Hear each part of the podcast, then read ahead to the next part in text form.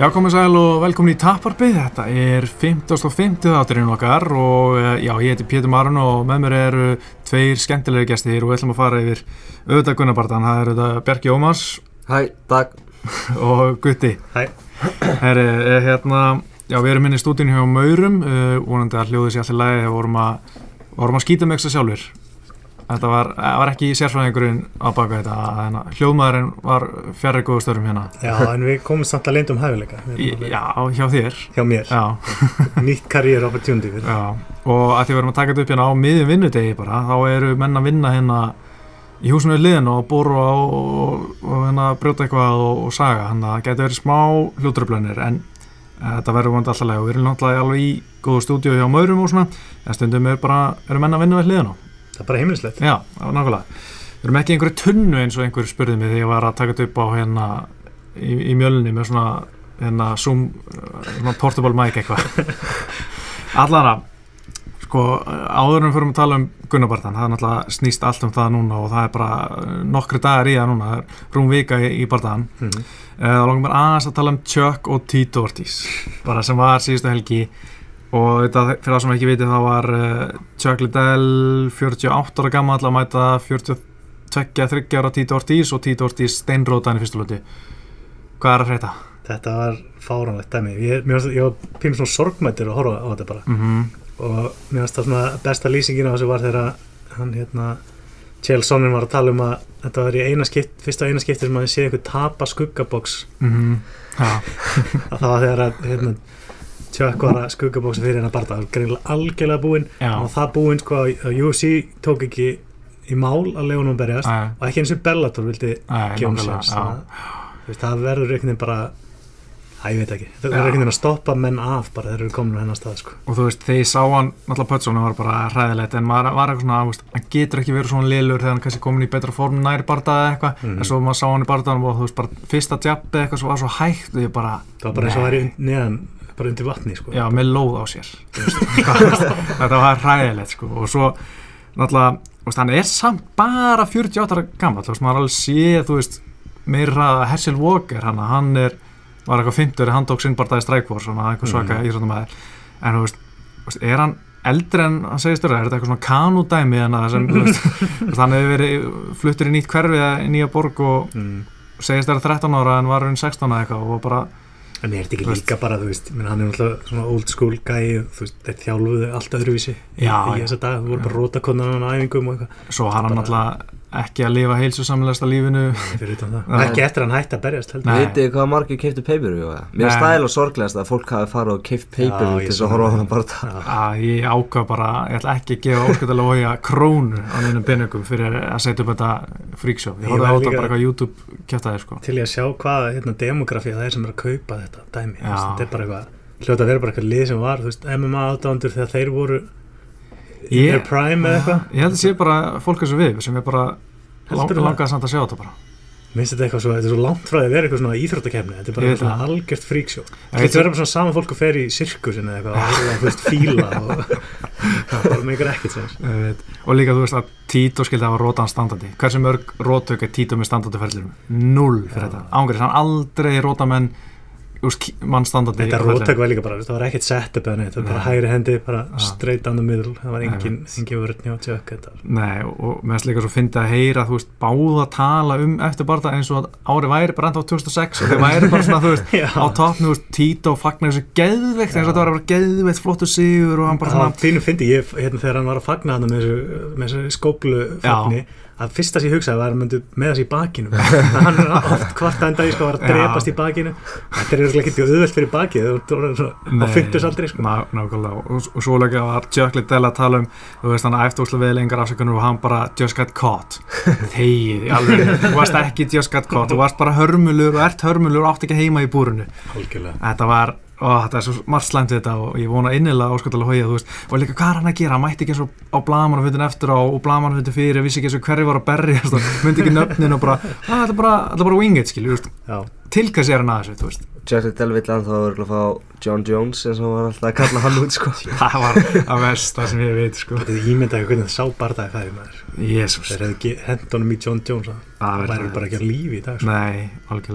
En ok, hættum að tala um þetta og förum, árum förum tala um Gunnar, langar aðeins að tala um þig, Björki. Þú ert væntalega komið með barða loksins. Já, ég kom með confirmed fight í lightweight Já, 15. des. uh, Já, helgin eftir Gunnar Já, í Fightstars. Yes sir, London Já, þetta er mikill létti fyrir því. Þú ert búin að vera að býða bara síðan í Já, mars eftir barða. já, eiginlega, já Alveg í mars sko Og hvað eru margir búin að segja já og, og svo hætta við? Uh, Örgulega alveg svona í kringum 13, 14 eða eitthvað, ég veit það ekki En þú ert ekkert byrjað að vera spenntu fyrir barða fyrir en, þú veist, eða svona vika síðan gæðin sagði já.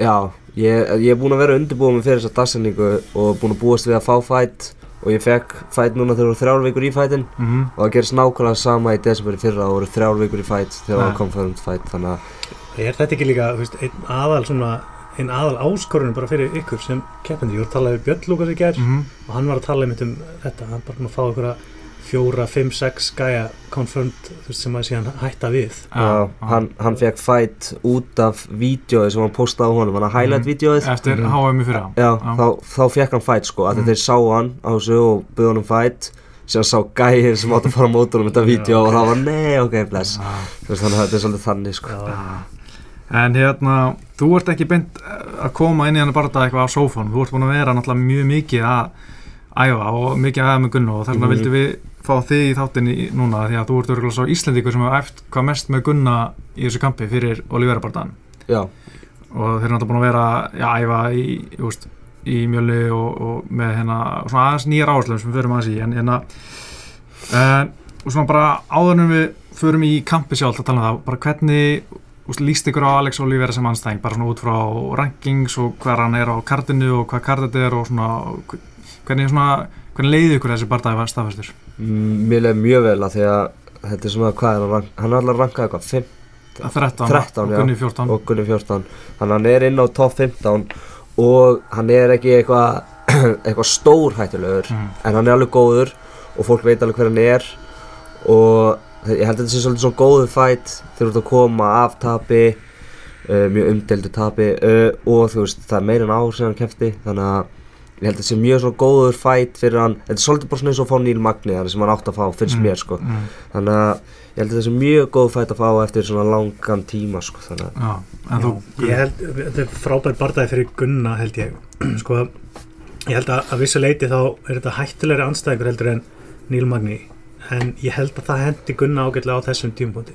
Gunni er svolítið á þeim stað núna þar sem hann þarf að koma inn og bara vera með statement. Mhm. og ég hugsa að það muni líka vera fínt fyrir hann að vera í þessum barndaga sko, svona seinasta barndaganum á prílims mm kartuna því að þú veist að vera fullt af fólki sem áttur að sjá þetta. Já, og ég held að þetta veri bara svolítið svona barndagana sem hann verður að koma inn og mm, og hérna klára. En, en með sko Olivera, hann er náttúrulega með með 19 sigra held ég mm, og bara þrjá eftir dómar ákvörð já þannig að ég held að þetta verði geggjaði bardagi sko. Gunni er náttúrulega bara með eitt decision Mhm. hérna á ferlinum. Mm, það var gegn Santiago.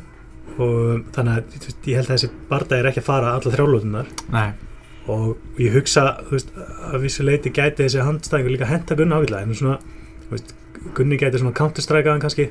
Og ég hugsa að það verði líka svona kannski leiðin að skunna að sigri í þessum barða mm, ég er ekkert svo vissum að hann sé að fara að söpba hann sko, mm, svo sem aldrei að segja aldrei Nei. með Gunna en, en sko, ég minna, þú veist, Olivera hefur tapað fyrir hvað Cerrone mm, og Jan Semederius eða sem er Deros, já, og, Og Gilbert, Gilbert Burns, Burns, já, og Gilbert Burns er mynd á þessu karti líka. Já, og hann er náttúrulega heimsmyndstari í YouTube skilur, Mhm. og, og, hérna, og Cowboy eða Cerrone, hann er náttúrulega hérna, alveg geggjaður í gólfinu líka. Já. Þannig að ég ekkert svo vissum að það verði auðvelt að að ná hann niður, hvorki ná hann niður nýja söpban en, mm, en ég held að þetta verði mjög skemmtileg bara standandi. Já, uh, sko, tölum hans á um kampið, Gunni er búin að eða öllu kampinu hérna heim á Íslandi, hann er ekkert búin að fara út til Dublin.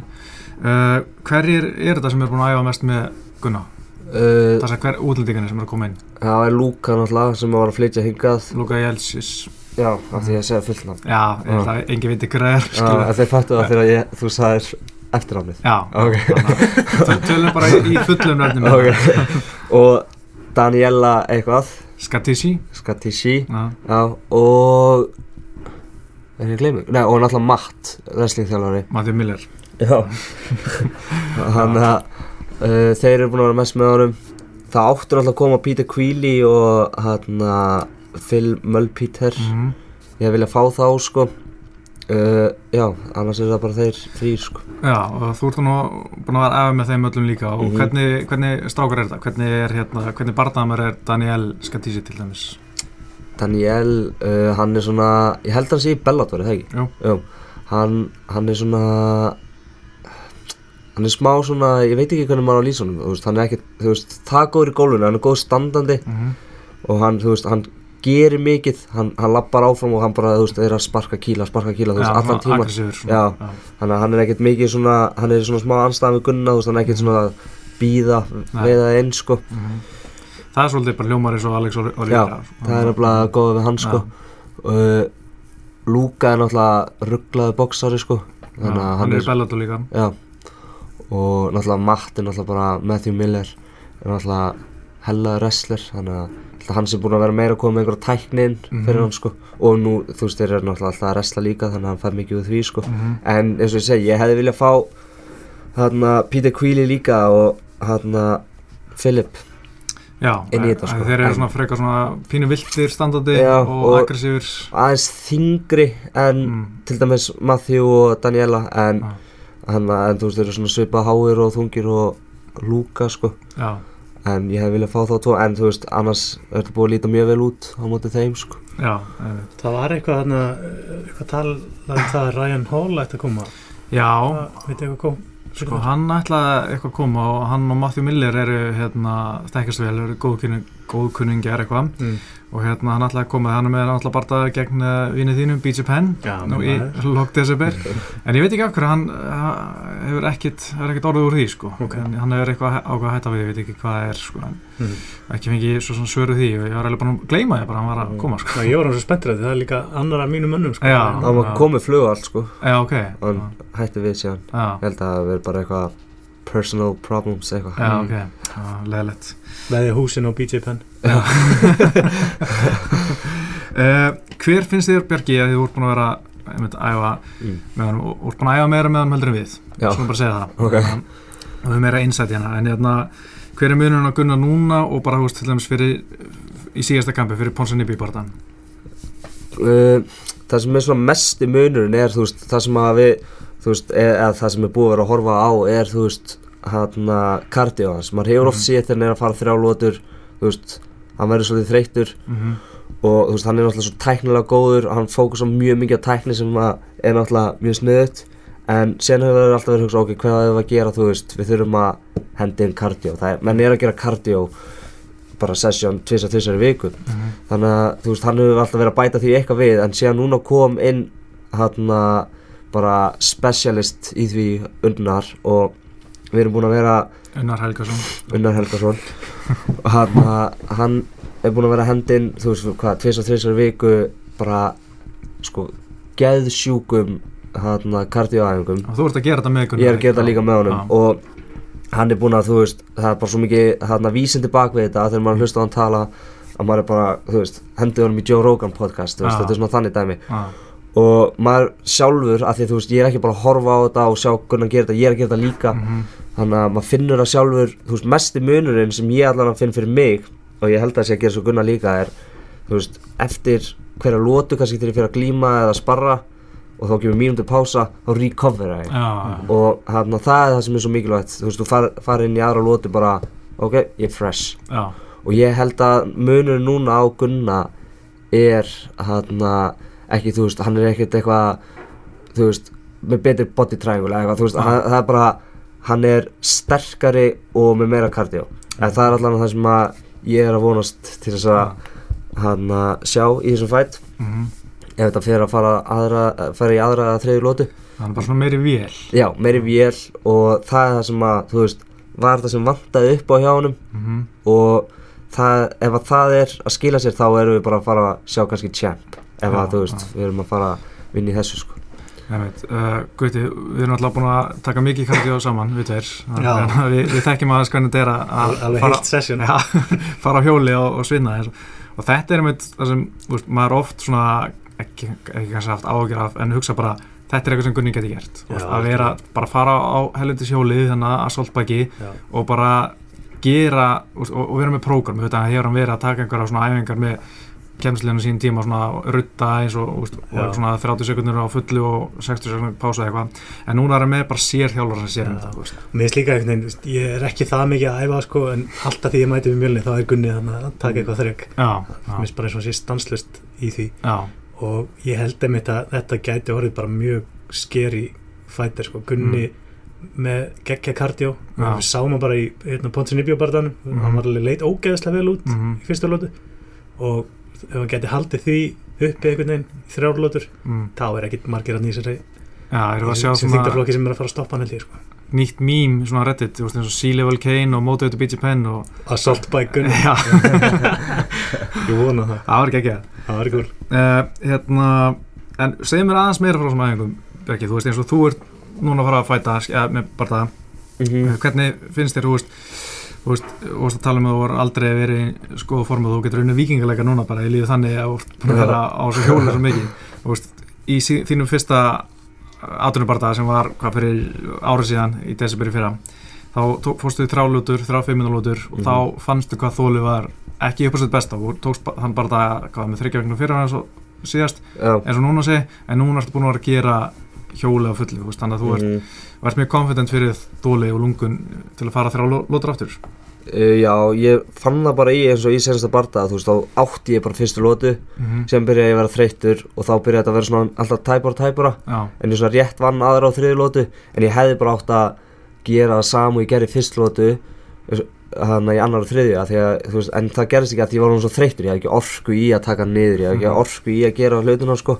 þannig ég er svona treysta á að hann allt þetta þrek sem ég er að gera núna ætti að hjálpa, hjálpa því sko. Mm en síðan á saman tíma þú veist, þú getur gert endalust þrek síðan þarfstu bara að vera með hann að hausin í lagi þú þarf, Mm. þú munt alveg verða þreytur að, Gunni mun ef þetta fyrir þrjá lótur hann mun ekki bara vera, þú veist, ekki þreytur þú þarf bara að stilla hausin bara, ok, þú verður bara sættið við það. Mm, og það er svolítið líka sem við erum að gera í þessu, hana, í þessu þreki. Þannig að þú svona, þú ferð á þetta level sem er bara, þú veist, þú getur hægt núna en þú verður bara að halda áfram mm. þú veist, þú bara svona, þú veist það er það sem gerist í fight, þú veist, þú verður bara, þú veist, það mun koma í annar lóti bara, þú veist að deyja úr þreyti og þú Ja. verður bara svona, verður búin að venja þig sm smá, sko ég held smá svona það verður búið að gerast í kampinu þannig að þú svona, að ég kannast við þetta já, þannig að þetta er ekki bara þú veist, ég get hlaupið 42 km eða eitthvað, þú veist, þetta er bara svona núna þarf bara, þú veist, þú þarf að geta stilt hausinn Já. þannig að mér finnst það að vera mjög mikilvægt sko. það er eina þing sem ég sé ykkur gera sem ég veist mjög áhugaverð þá er að taka ykkur hjólunu alveg á fullu þú veist, að lunguna að vinna á fullu og síðan Mhm. í kvíldin en gæsalba er að lappa með þingd á okkur, lappa með einhverja bjöllur hérna uppi og, og það er svona svolítið raunverulegt fyrir bardagi, þú ert kannski að vinna fullu og svo er, ertu kannski tekið niður og einhver hengur á þér utan þér þannig að þú nærði ekki, þú veist, taka góðan andadrátt þú ert bara Mhm. að ná svona stuttum andadrátt að þú ert að vinna fullu og einhver er að setja þungan á þig, sko.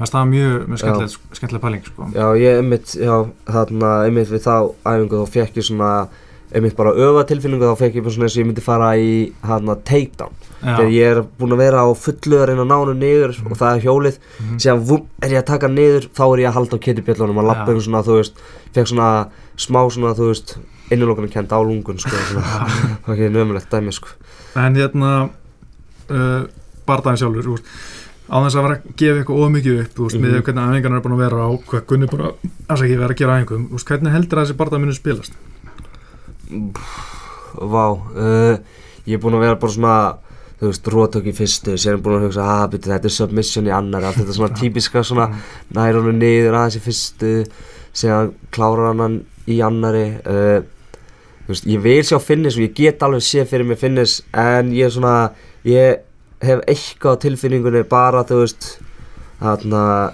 ég ætla ekki að vera þessi æfingafélag sem segir bara, þú veist, þetta er bara flæðin í rótök, hann er það góður, þú veist þetta er bara svona, ég held það er langt síðan um keft þú veist, gæinn er harður sem að fara á móti en þú veist, Gunni á að geta klára hann bæði standandi og í gólfinu Mm. ég sé hann alveg mjög mikið fyrir mig að gera það Mm. en það er svona svo langt síðan um keft þannig ég ætla, ég spái að ná honum alltaf svona niður í lok hverja ló- lókna mm. En þetta verður unanimous decision Gunni Já. þetta verður örugur sigur en hann náði ekki að klára hann Mm. en það er bara að hann var svona langt frá þú veist, langt, síðan hann kefti þú veist, þetta er svona en semt, á sama tíma geti allt í hennu komum bara reyna ekki tjók í fyrstu lótu Já, þú já. veist, en ég ætla að spá decision Mhm.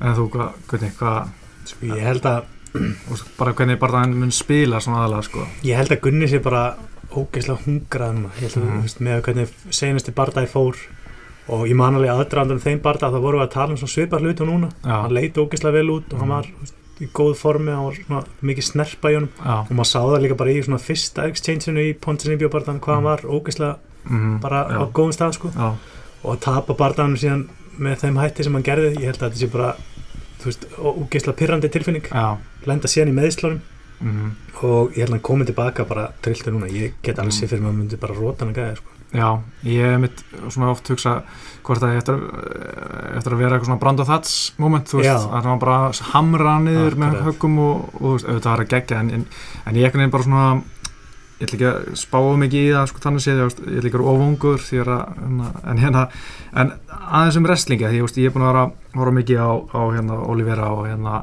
og mér finnst alveg að það er hægt að taka niður þú veist, að hann er ekki svona einhver humongous gæi sem er bara með bestum jæðmeri heimi og mér er hægt að taka niður.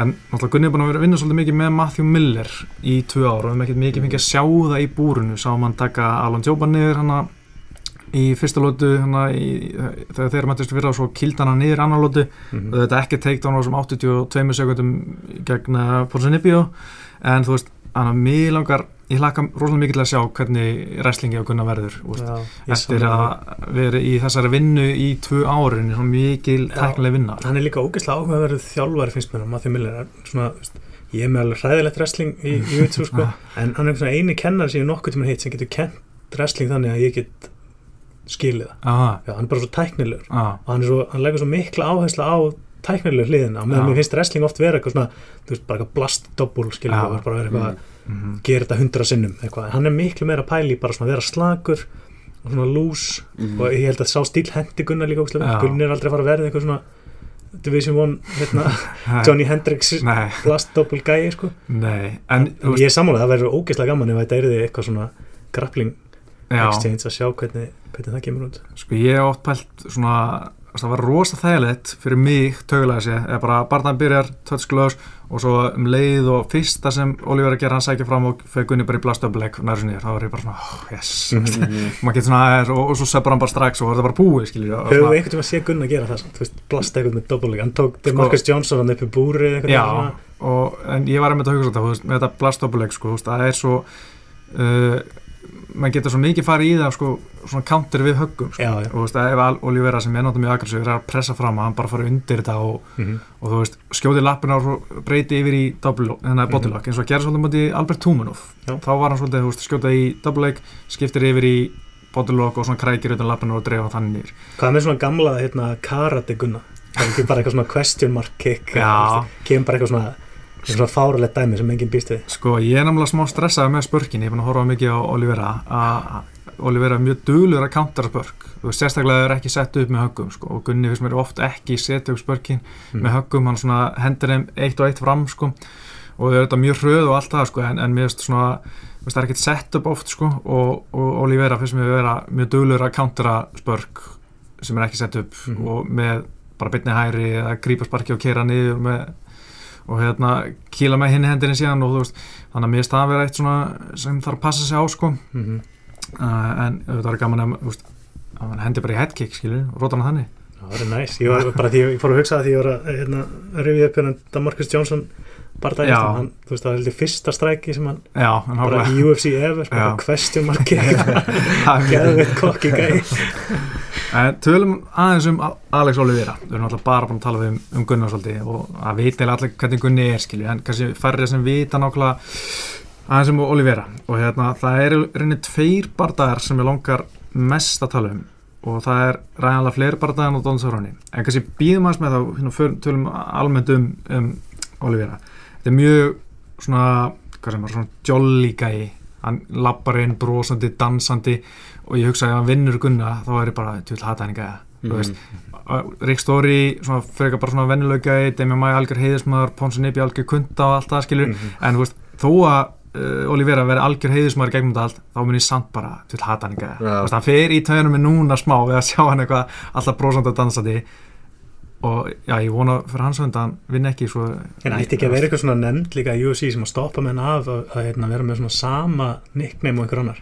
Ætlar að koma inn og vera pitbull. Það segi nei, bara, sorry, það eru er- fjórir hérna nú Við erum með cowboy þannig að þú eru að velja eitthvað Já, mér, finnst sko hann er kápáði því að hann var svona bullrætir, af hverju getur hann ekki verið bara bullrætir? Það er þetta ríkalegt nafn, eða ekki? Er- Bullrætt ég veit ekki er- en veist, ég var líka til í eins og er á Reddit bara Evil Cowboy. Já, veist, hann er bara svona vondi Evil Cowboy. Cowboy, já, Já. það er gott. Ég fýla það. Mér finnst það Gunni með besta nafni sko. Gunni. Gunni, Já. Já, ég er samt ánæður hans ekki með shotgun nafni sem hann var með fyrst sko. Já, já. það var einhver sem gaf honum það Hvaðan og- kom það? ég veit ekki, því að hann var einhvern veginn grándu panda okkur gæði og var svona eins og var að hlaða alltaf shotgun á milli svona þú veist, hérna dush, og það var svo Það er mjög Dush. tappállegt Það er algjör 2007 tapátt Já. stemningin sko, ég er mjög ánæður við sem ekki lengur þar sko. en hérna En þetta er sann spennandi gæi vera. Ég meina, ég hérna, var að skoða rekordið hans hann er með í seinustu fjórum mm mhm, með þrjá framistu bónus og eins og ég minnst á aðan bara með þrjú decision Já, af 19 sigurum sko, þannig að mér, mér þætti alveg ólíklegt að þetta færi alltaf þrjár. Nefnt, Birgir, heyrðu það Býðið Eh, bara en sko, það sem ég er svona hættulegt við hann er, jú, hann er, hann er alveg, veist, svona góður að halda mennum frá sér ef hann vill, eins og gegn Ryan Lafleir, þú veist, hann var hann bara ok, hann var tekin neyri í fyrstu lótu, gerði smá mistök þar en í annar lótu var hann ógæslega hreyfalur hann bara hér, var á hjólunu allan tíman í reyni og þú veist, valdi höggin nokkuð vel, var með svona framspörk og hérna og laung beinhögg, svona aggressífur og svona svolítið bara óhrættu við að engagea Mhm. og hérna en samt að halda góðri fjalla og ég hugsa að hann gerir eitthvað svipað gegn Gunna, hann verður svona þú veist, einmitt á hjólunu og reyna að halda sér frá honum og svo stökku inn með 1-2 og laung beinhögg og svo Mhm. aftur út sko. en alltaf með sko 12 rótök eða ekki já, eða þú veist, sko. KO og TKO í, Mhm. í 19 barðum þannig að það er eitthvað sem maður hefur heyrt líka oft en í sambandi við Gunna mm að svona striking defense sé kannski svona veikleiki hjá já, það er alveg eitthvað sem að já, og hann er líka þú veist uh, er líka svolítið með hendurna niðri til þess að verjast uh, fellunum eins og gegn Rænald Fleir, þá var hann bara með hendurna lágt niðri og svo stökka inn með 2 veist, Já. og svo alltaf tilbúin að ná öndrugs ef Lafleir var að skjóta niður í hann sko. og ég hugsa að það veri eitthvað svona sem hann muni gera gegn Gunnar, vera með hendurna niðri og alltaf tilbúin að verjast öndrug ef Gunnar er að fara eitthvað double leg sko. og líka eins og Lafleir hann var að reyna eitthvað stökku inn og grípa utan um hann sko, hann náði í fyrstu lótu náði að grípa í hann í annar lótu en, en þá var Oliver komið með öndrugs og náði að hrista hann af sér og verjast fellinni og svo í þriðið sem hann gera þetta þá var hann bara steinróta með uppercut Mhm. upphauki, svo notum Upphauki, íslenski hérna og það er, ég er svona, þú veist, Oliver getur alveg tíma sett Gunna ef hann er að fara að stökkva inn sko, það verður hættulegt og Gunni þarf að svona, vera mjög hraður nota hraðan, setja þetta vel upp skilur, Mhm. það, en að getur eiginlega ekki stokkin bara hvernig sem hann vill sko. Og þarf að uh, alveg tíma setja ekstra vel sko og stökki inn sko ef hann ætlar að fara í takedown þess vegna er ég vonast eftir að hann counteri högg frá Olivera og og fari Já. þannig inn sko. En ég minna að við sáum líka í Pontin Uppjó er gæði sem er hættulegur standandi og höggþungur og svona. En hraðin hjá Gunnar virtist vera bara allan alveg fyrst Já, komum um óvart kom hann bara Já, óvart já. hann bara einhvern veginn að tala um það eftir á hann hefur bara ekki séð fyrsta höggi fyrsta, fyrstu fléttuna þar að segja.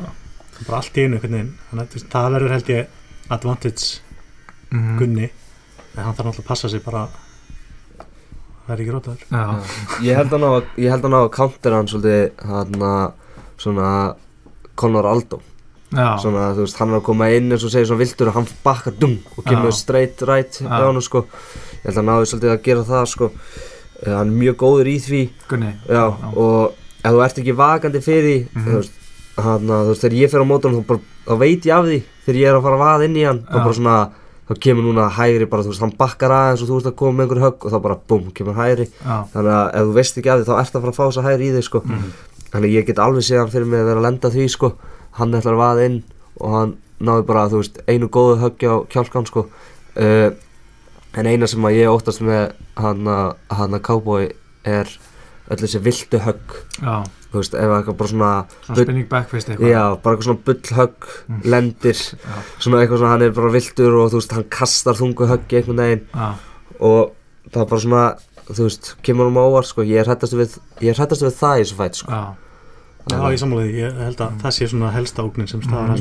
Já. Mér finnst samt ofta eins og Gunni sé, hann sé svona hálf vannmetin bara standandi. já Það er svona þarf maður að lesa netinu úti og svona, það er alltaf verið að tala um hvað hann sé.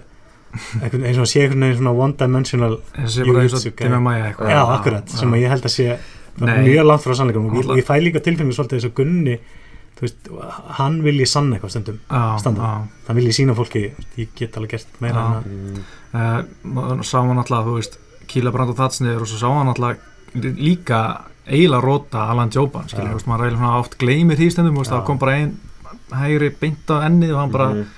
Margir Og- sem hefur klárað þetta bara með ground and pound. já, þú veist, Alan Joban hann eins og Bambi á svelli, skilur og hérna, dreigið niður það var, geggja finnis uh, hérna, annað sem er svona hvað sem er gott fyrir Gunna við Olivera er að hann er svolítið spassi í glíminu Olivera, hann er Mm. lungin í gólun alltaf en hann- allt sem hann gerir er svona power og sprengikraftur og hann er ekki svona neitt svaklega tæknilegur fyrst mér þegar hann er að sleppa eða að taka menn niður yfir höfu, veist, Mhm. þegar hann er að taka menn niður þá finnst mér alltaf vera svona liftumönum og kastra niður svona slamma, þetta er ekkert eitthvað svona eitthvað tæknilega flott heit og ég held að það sé alveg er gott fyrir Gun- fyrir Gunna Gunni er líka ógeðslega góður á móti þannig anstæðingum hann er svona, hann er svona, svona fullkomlega aware einhvern veginn hvar plássi er. Já, og svona gæja sem er að sprengja mikið upp og svona hann bara veginn leifir Veist, að sprengja, hann er ekki með þess að pressa sem hann að reyna að halda þér einhvern veginn flötum á bakinu, ef þú ætlar að vera að spassast þá bara leifir hann og tekur bara það sem býðist, ég held að það sé bara fullkomin stíl fyrir Gunna ef hann næri sér í gólfið þar að segja. Mm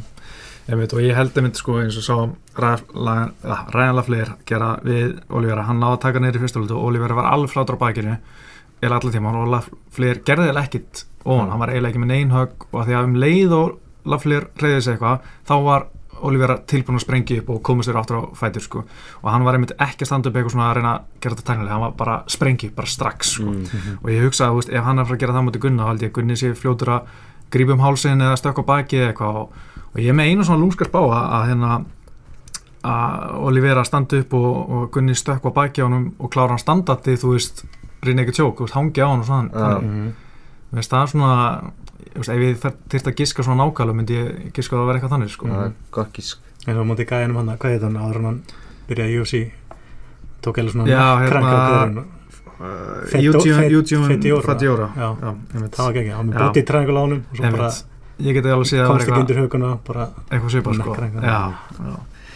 Uh, það er líka sko samt með uh, hérna Olivera, hann er skinsamar enn í hel, þú veist, fyrst að ég var svona að hugsa um hann, svona, væri bara svona einhver braslískur uh, svona neta sem var ekkert mikið í kollinum á, Þetta eignast hann ekki fjögur börn á einu ári eða? Jú hann var 19 ára gott life decision þess vegna er hann svona dullur að berja, þannig að borga það meðal sko.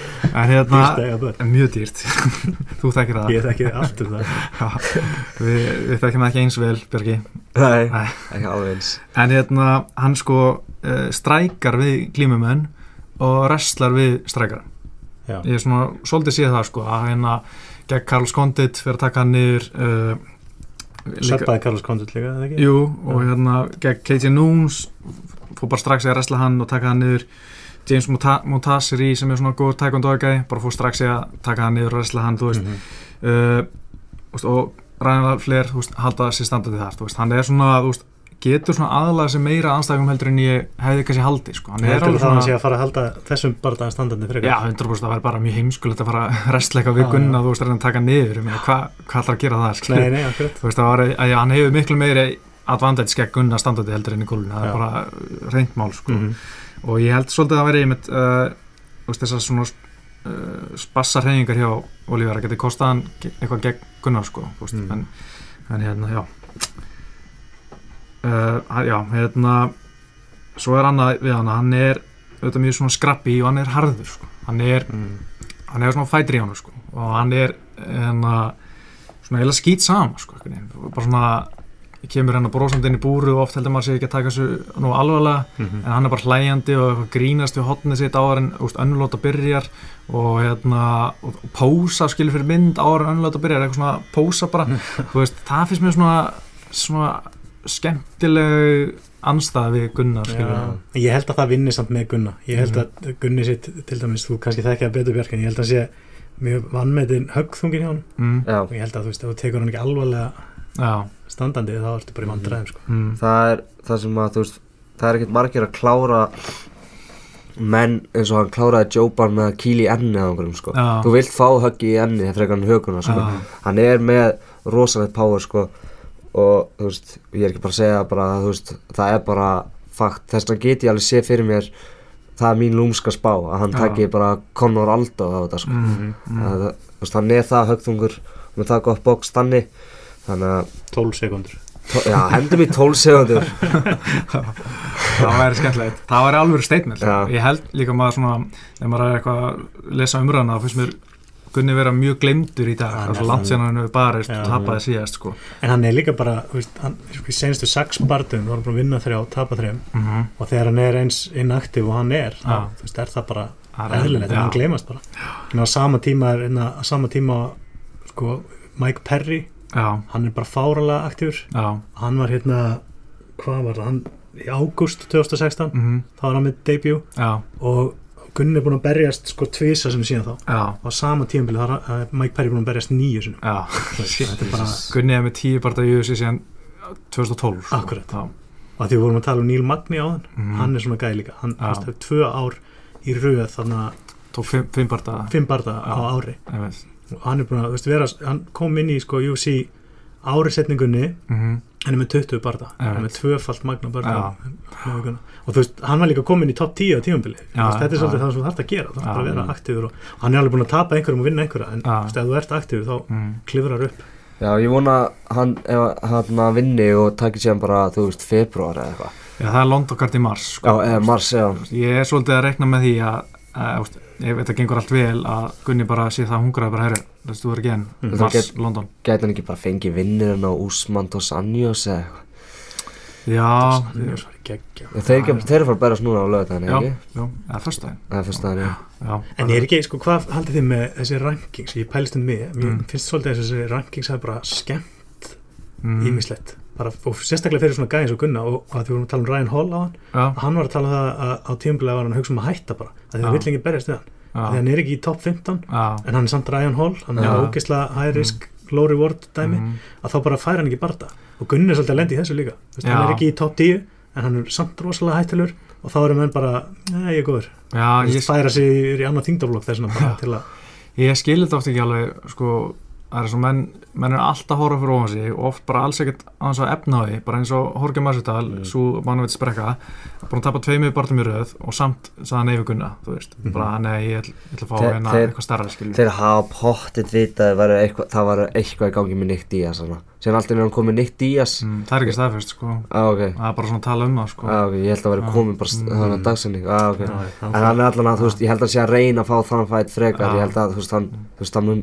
vera algjör svona gangsta fætt Já. þú veist, Jorgi. Massadal um Nick Diaz mm, þú veist, ef ég sé mér hans spór þá vel ég Diaz Já, skilur. En þetta er bara svo lélegt kombo veginn að þú veist, vera með svona eitthvað stigatöflu sem er Mhm. alltaf að horfa upp Mhm. og ef þið get ekki fengið barða þar þá fara það bara berist eitthvað gæðins og Nick Diaz sem er ekki búin að keppa í Já. mörg ár Já. skilur, sem bara örgulega alls ekki sami barða þú veist, þú ert með þetta svona rankingsdæmi Mm. og síðan ef það gengur ekki upp þá ertu bara með einhvern money fight sem berst við einhvern, einhvern sem er eitthvað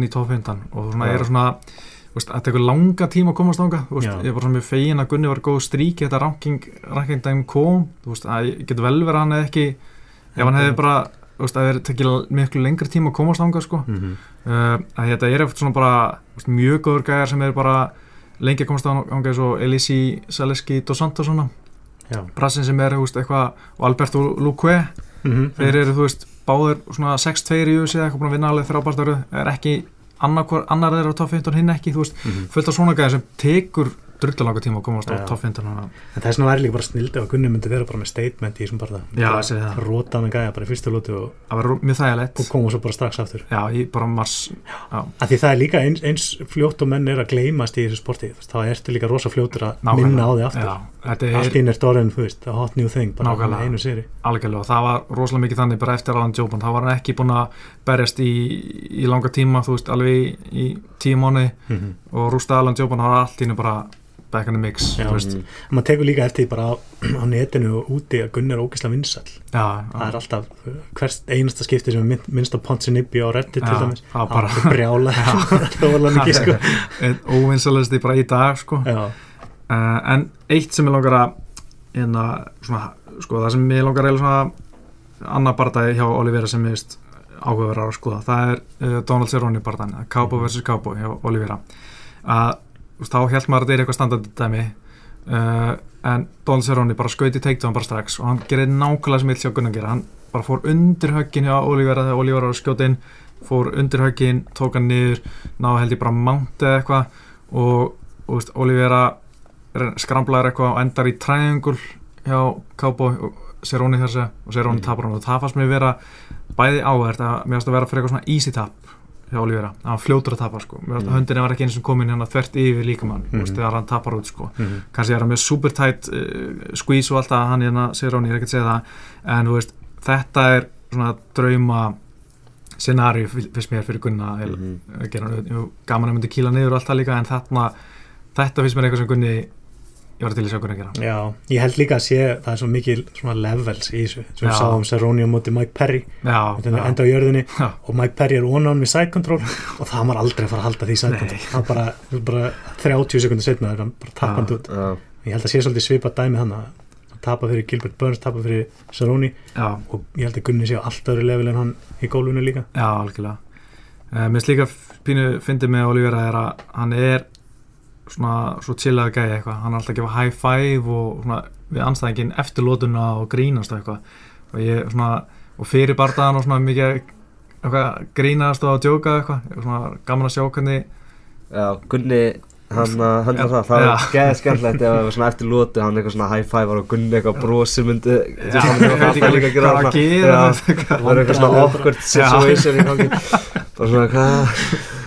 Já, Já, maður oft heldur að, ég alveg þessum að, þú veist, ef hann kemur dansandi inn í búrið og Gunni vinnur, mm. þá er svona sofasjárfræðingar sem hafa ekkert hort mikið á Olivera að segja, hann var alltaf afslappar, hann var ekki að taka Gunni Já. uh, en hann er alltaf svona afslappar Já. og mér þess að fyrir ræðanlega fleiri bardaðan, þú veist, Mhm. er hann að djóka í hotninu, þú veist, og svo bara rótar hann mínúti setna, skilur, Mhm. þetta er bara hans karakter, Mhm. nema auðvitað gegn Tim Means, það var svona bad blood, það var hann alveg mjög serious gæði, en þú veist, vanalega er hann bara super chillaður og Mhm. afslappaður og, og hress, sko. Já, það, það, það verður gaman að sjá það. Þetta er svona eins og ég vil líka Drauminu minn er að sjá Gunni einhvern tíma á móti einhver svona eins og Colby Covington. Já, Ég held að það sé svo skemmtilegt sko. Já. Einhver gæði sem er bara endalaust í honum. Veist, Það gera enginn, það hefur enginn eitthvað til að segja um hann. Mm. Hann er svona eins og Franki Edgar. Hann er bara svona, þú veist, já. þú ert ekkert, þú veist, hvað, þú veist, þú segir ekkert illt um Franki Edgar eða eitthvað svona. En Colby Covington, hann myndi gera það. Það væri alveg gaman að sjá eitthvað svona gæði eitthvað eða Já, ég veit það að mér langar svo mikið að Það segja var það svo geðveikt sko. Og pældi ég að einhver myndi íta Gunni og Gunni myndi bara dysh, kýla hann í vitt og maður bara, hvað er að gera? Það aldrei að gerast en það væri óvænt. Uh, aðeins árum klárum hérna Olivera er að og sem ég teki eftir hann er vaksið mjög mikið- síðan kom í UFC það kom í UFC hérna 2015 tapað fyrir Gilbert Burns og svo tók hann þrjá barða í viðbúta því ári. Hann tók fjóra barða fyrsta setið í UFC og þú veist, fjóra barða næsta ára og svona og hann er bætt sér mjög mikið síðan þá. Og hann er hérna er góður íþróttumæður en hann er orðan mun svona teknilega betri í dag. Var bara eitthvað svona viltur kúri ekki hann kom en er í dag svona talsveit svona aðlega betri betri barndamæður og bætt sér mikið sko. Þetta er líka fínt rekord sem hann er með hvað, Já. 10-3 í, í UFC Þetta ekki já, saman. já, Held þetta sé- bara held þetta sé 13 í UFC bara þar já, hann að tapa fyrir þú veist Donald Cerrone Gilbert Burns sem er sko heimsmeistari í Jiu-Jitsu. Já, svo Jansi Medeiros sem er veist svolítið svona gatekeeper ok en, en já, það var algjört stríð geggjaði barða já, það var ekki fætt þetta nætt líka. Jú, og bara einn af bestu síðust árum. Já, já, ég sé svolítið eftir að ekki setja hann top 10 listan heimur í fyrra. Já, það er bestu já, Já. já, en hérna en já, hann er, mér finnst hann líka pínu vera svona kameljón, hann svona breytir oft um stíl með anstækin, eða svona eins og vorum að tala um á hann mm -hmm. þannig að ég er svona hlakkat pínu til að sjá hvað hann ætlar að gera þó ég búist við að hann gerir svipa á gegn ræðanlega fleiri, verið mjög hreðulegur, halda sér frá honum nota löngu vopni sín sko mm -hmm. uh, hann er líka með mjög gott fól hann er með gott kardio, hann getur haldið upp í góðri pressu og góðri, hérna, góðu peysi allan tíma sko. Já. hvernig er með þamlengdina og er miklu leng lengri en gunni eða? já, talsvægt lengri, þú stil sig alveg nokkra tómur sko ok, Þannig að það verður áhvert sko. Uh, svo er eitt bara hvað gerist hvað segir okkur ef Gunni tapar Úf. Hvað segir það okkur? Eða, Já, hvað, um hvað bara- gerist um- eftir það? bara bæði Ég bara vil alltaf hugsa um það sko. Er bara, ég, ég held að það getur orðið ótrúlega erut fyrir Gunnar þá mm. Minna, ef hann þá væntalega dettur hann út af top 15 já, þá getur hann lent bara í eitthvað svona Ryan Hall aðstæði sem að það eru bara Já. virkilega erut fyrir hann að leverage eitthvað bardaði út úr þeim. Já, þá þurfti hann bara að koma tilbaka við, mæta gæðum eins og bara hérna, Ben Sanders eða þú veist, En Cummings það verður meiri sem level, vera þannig sko þegar Gunnar er að tala um þetta að þeir hafi, hann hafi sagt bara við sitt fólk bara, mér er alls sama hvernig bestu bara finnum bara einhvern barda fyrir mig. Og það sé samt vesen að fá barda Já, veist. e- hann var með nokkur nöfn núna sko. Og Ok. hérna, hann vildi fá barða fyrir lokás og þú veist, það var einhverju gæðar sem svo nei sem voru svona rangar. En einhverju gæðar svona utan toppfindar sem voru til sko. Já.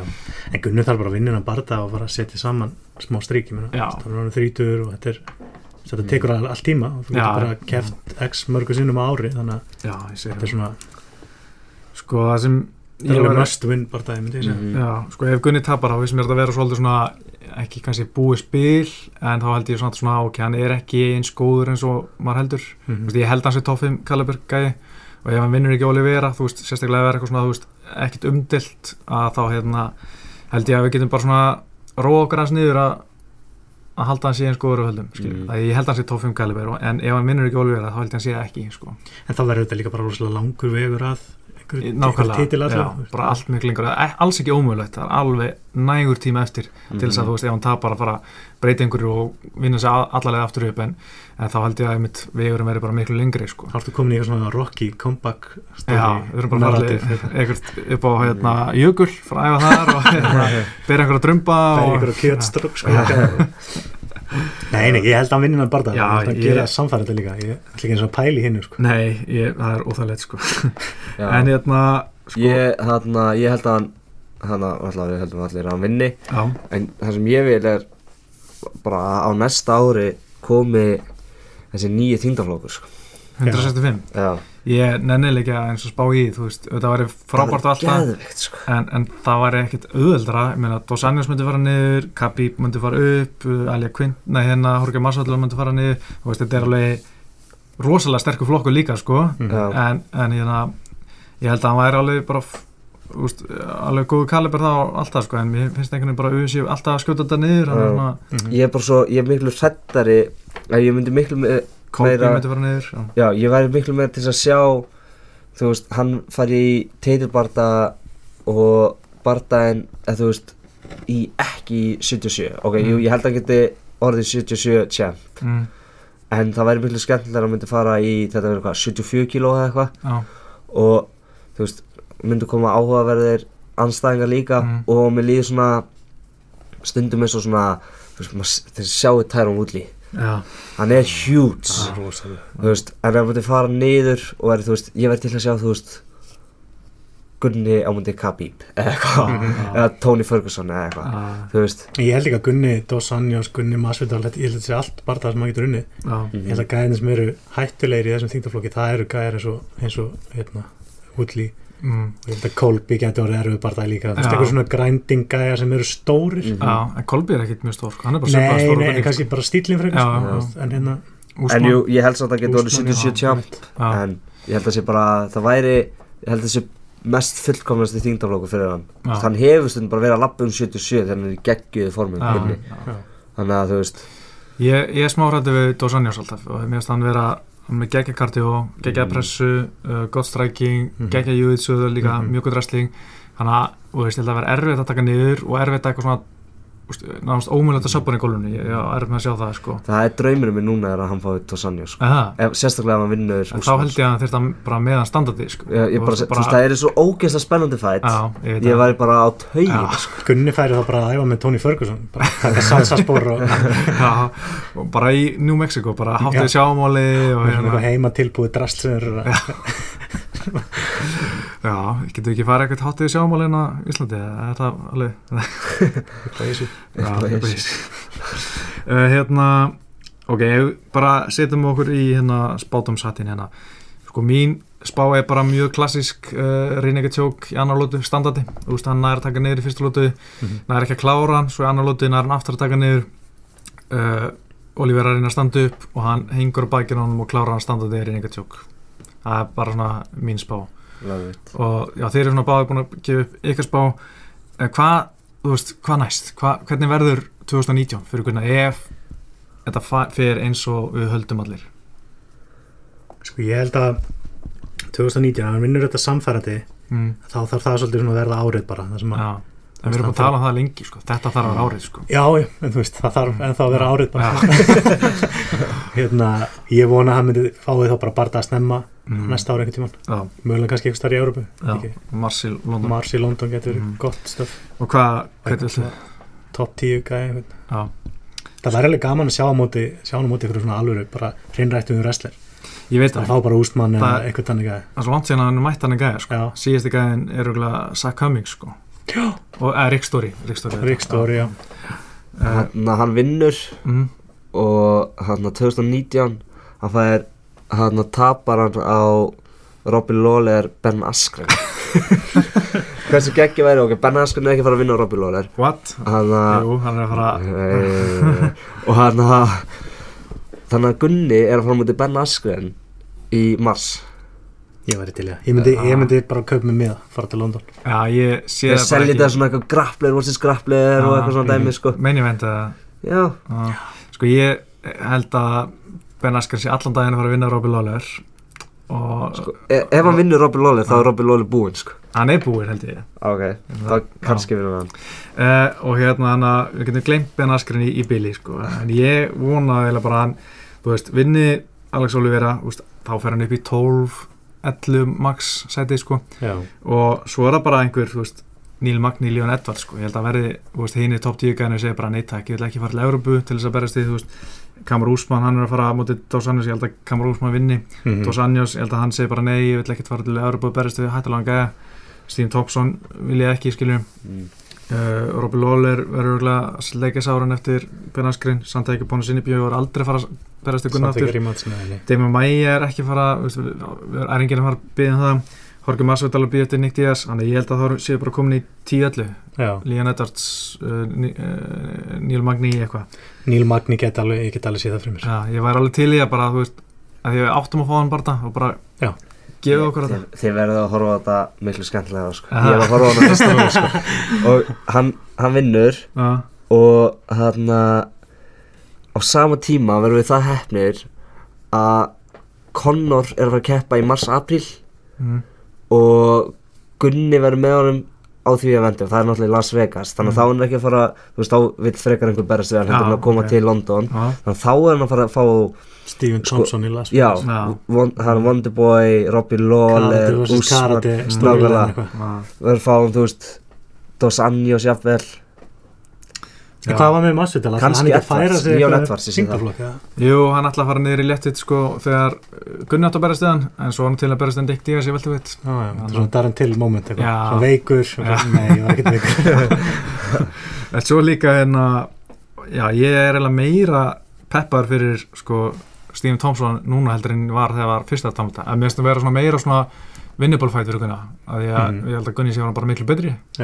En Steven Thompson er líka bara í smá brasi hann er að taka þátt í þessum ógeðslega leðilegu barndöfum ég með Woodley Woodley er ekkert að fara að tapa þessum titli Nei. á næstunni held ég og hann þarf svolítið bara einhvern veginn að koma sér aftur á korti sem svona spennandi Já, Danny Till bara það var ekki ekki skemmtilegur fyrir Stephen Thompson þannig en já, það er nú framöndan það er kannski langt, langt okkar til en, en ok, segjum mann fóðu það bara það í mars-april og þú veist, vonandi vinnu það mm. og svo kannski júli, ágúst og svo mögulega desember, þú veist Já, það er svona best case já, best, ef allt, allt gengur upp en það- þetta er langur vegur þangað til, þangað til sko en bara svona, að við höfum oft talað um að þú veist, þetta er árið sem Gunni er að fara að taka þetta er árið, hann tekur Já. þrjá barða Mhm. og nær smá stríki og þetta Mhm. var bara að vera einhvern veginn svona, þú veist, Mhm. mars, apríl júli, ágúst nóvember, desember Mhm. þetta verður að vera eitthvað þannig og, til þess að koma sér almennilega inn í þessa baróttu sem við telum hann heima í sko. Mm algjörlega uh, eitthvað meira sem við viljum tala um bara uh, karti yfir höfuð. Uh, Brian Ortega hérna, Max Holloway, hvernig fyrir það? Ég held að Brian Ortega vinna það. Ég er með spurningamarkið hvernig Max Holloway kemur tilbaka eftir þetta brass sem hann er múin að vera í. Ég held, það er líka það sem ég er búin að hugsa. Ég held að sé eitthvað Ég er svona, mín leiðilegsta spá er Ég held að Sparta það gerist ekki. Það gerist eitthvað í Fight Week já, Og enda með að Joan og JJ sem main event. Já, já, ég er búin að vera þar líka. Já. En ef, ef maður hugsa ekki þannig Þá held ég að hann Ég held að Brian Ortega vinni. Ég held Já. að það sé að fara að vera eitthvað svona mánuður og síðan vinnur Alexander Gustafsson, John Jones. Já. ég, held að það sé komið eitthvað svona dæmi sko. ok sko já ég held að Holloway vinni af því að ég held að það veri bara svona standandi stríð Mhm. mér Já. finnst Holloway betri strækjar svona, meira svona skinsamari eða smart, Mhm. betra fight IQ og við höfum aldrei séð Brian Ortega vera eldast við teitanu, hann er bara söpagæð hann er tekið niður svolítið og það er bara svona grípa hálsin Mhm. þannig að ég held að Holloway taki þetta í bara einhver fimmlötu geggjuðu stríði Já, Sko við ég fáum það Holloway, sko. fáum Prime Holloway bara eins og við þekkjum hann Já. þá held ég hann vinnur Mhm. Ég bara er ekki samfærður um það eftir að hafa lesið hvernig þessi einkenni voru að lýsa sér hjá honum að hérna, hvað var hvað, segja okkur hans frá var það ekki hérna svona með svona heilaristings já, concussion syndrome. concussion syndrom eitthvað Mhm. og þeir bara fundi ekkit út úr þessu og voru með hann í alls konar já. rannsóknum og testum og það bara mega ekkit sens það er mjög skeri að ennþá í dag, þetta var í júli að ekki ennþá að vita hvað var að hvað gerðist, af hverju hann var með þessi enginni fyrir barða það er mjög skeri sko, sérstaklega fyrir svona já, menn sem er að fá höfuð og eitthvað. Mm þannig ég held, ég held ekki að þetta sé eitthvað sem hefur áhrif á því bara svona mentally. Já, bæði á æfingum og bara þú ert að fara inn í búri þú veist, Já. þú ert með þetta svona in the back of your head sko. ég veit. Ég held smá líka ég er líka, van- ég er líka vannmyndi Ortega alla leðina, já, ég hef alltaf spáð gegn honum. það er rétt, ég hef líka oftast gert það líka sko. nú er hann bara komin hinga já, það er rétt, góð bundur en ég held smá með Holloway að við séum ekki að heyra allt sem, þú veist, það sé eitthvað meira hann á baka sem hann þóra ekki að segja. Mm. að hann hafa eitthvað sem bara verið steinrótaðar hann já. var átt að fara skilur og bara ekki vilja segja sko. ekki vilja viðurkenna fyrir þú veist, það er og- skammaður Já, og bara svona ég er smá eh, óttast að hann sé kannski pínu líka íta vandamálun undir teppið eitthvað svona og, og hann verður svona einn af þeim sem byrjar óslega snemma og er óslega góður og svo fjara hann fljótt út þú veist, hann er bara Já. 26 ára og allir að tala um bara hann áttur að fara upp í lætið og vera bara dominant lengi en svo kannski allt inni bara þú veist, hrinur hann niður þú veist, Mm. búin að vinna 12 bar, barndagir mun kannski að tapa næstu þremur eða eitthvað svoleiðis að því hann er bara allt inni virkar hann búinn það er búin að byrja svo snemma og eitthvað. Það byrjaði náttúrulega mjög snemma. Já, hann hann, er ekki bara eitthvað tvítur hann kefti við eða já, hann kom 19 ára í þessi kom 19 og Shit. shit, shit. Já, ég, að- þetta er svona geggjaði fæt sko, ég veit Já. ekkert hvernig, hvernig það fer en ég einhvern veginn held bara líka með ég hugsa að þetta sama sko, Ortega Mhm. takk þetta, Já. en samt þú veist, ég samt veit að ég hef ekki Nei. hugmynd hver vinnur þetta sko, maður hefur svona mikla hugmynd um hver vinnur hann að Gunni eða Cowboy, maður Mhm. svona þú veist maður horfur á það, maður svona, jú, Gunni á að vinna þetta. Mhm. en ég hef ekki hugmynd með Nei, meinu þetta vendi er sko. það er að besta að vita, það, það eru bestu Já, barndar það er svona, þá, ert, þá veistu þú ert með top 1 á mútið top 2 eða þú veist. Já, ég held að þetta verði líka bara geggja kart þú veist, það er Mhm. bæði spennandi barndar svo hef ég heyrt frá þeim sem hafa farið í þess að höll já, hún sé ógisla flott. Það er næs bara þvílít góð aðstæða og hérna, er kannski mæti minn maður Drake. Ætlar hann að mæta. Tracky Track. Já, en hérna ég er líka oft svona spáð gegn Oliver, hann oft komur óvart sko, þannig að það er alveg svona típist að hann myndi bara róta hann í fyrstu eða eitthvað Mhm. en, en ég vona líka að fá maður að hitta hann eitthvað svona chilla með honum eitthvað, hann segir svona hey, Jútsugæði, Gunni, þú ert Jútsugæði let's hang out eitthvað hann komi hingað og já, verið buddy skilur Hver, Brian Ortega? Já. Já, Gunni hefur sagt mér sem hún langar geð mikið að æfa með Brian Já. Ortega Það verið geðvikt þeir, þeir spjalla saman eftir eða eitthvað Já. Og taka hérna Gunni sínur hún hvernig hann kláraði Olivera og mm -hmm. Ortega sínur hún hvernig hann kláraði nei, ég veit ekki. Buddy Cop mynd Já, Það er líka en að ég var einmitt að hlusta á Comin Event podcastið í gerð, það var svona einhver spurning úst, hvaða kart er, eða hvað barða ætti ég að sína kærustu minni sem vill horfa á þetta skilur Já. og þá var, voru þeir að tala um að það var gott að sína Brian Ortega Holloway barðan eða bæðan var skemmtilegur og að Brian Ortega væri svona eye candy mm. og það er sér Mm. gott til þess að heitla fá konunar inn í sportið skilur ég aldrei pælt í því að það auðvitað vita, Hann sé það. já þú veist fyrir, til að horfa á fyrsta barða skilur bara þetta er fyrsti barða sem við ætlar að horfa á. Gjör svo vel. Ég veit að fyrsti bardagi sem að kærasta vinnum minn sá var þegar Andersson Silva braut fótinn á sér. Oh. horfði aldrei aftur að mig. Það er slemt en já, við ætlum að fara að segja þetta gott innan uh, þeir sem heyri kannski núna hljóður aðeins verða núna en áður en það er því ég klúraði aðeins endanum í upptökun áðan. Uh, þeir mistuð aðeins af uh, smá umræðum með Valentínu Sjæsjenko og Jónan Djendjæsak en það var smá teknilegur örðuleikar sem var aðalega mér að kenna. Þannig að svo umræði datt út og það er að leiðandi endir líka þannig að ég ætla bara að slúta þessu einn innan einhvers þar og þakka Gutta og Bjarka Ómars fyrir að kíkja heimsókn í Taparbi ég heiti Pétur Marna og þakka vera árna og verið sæl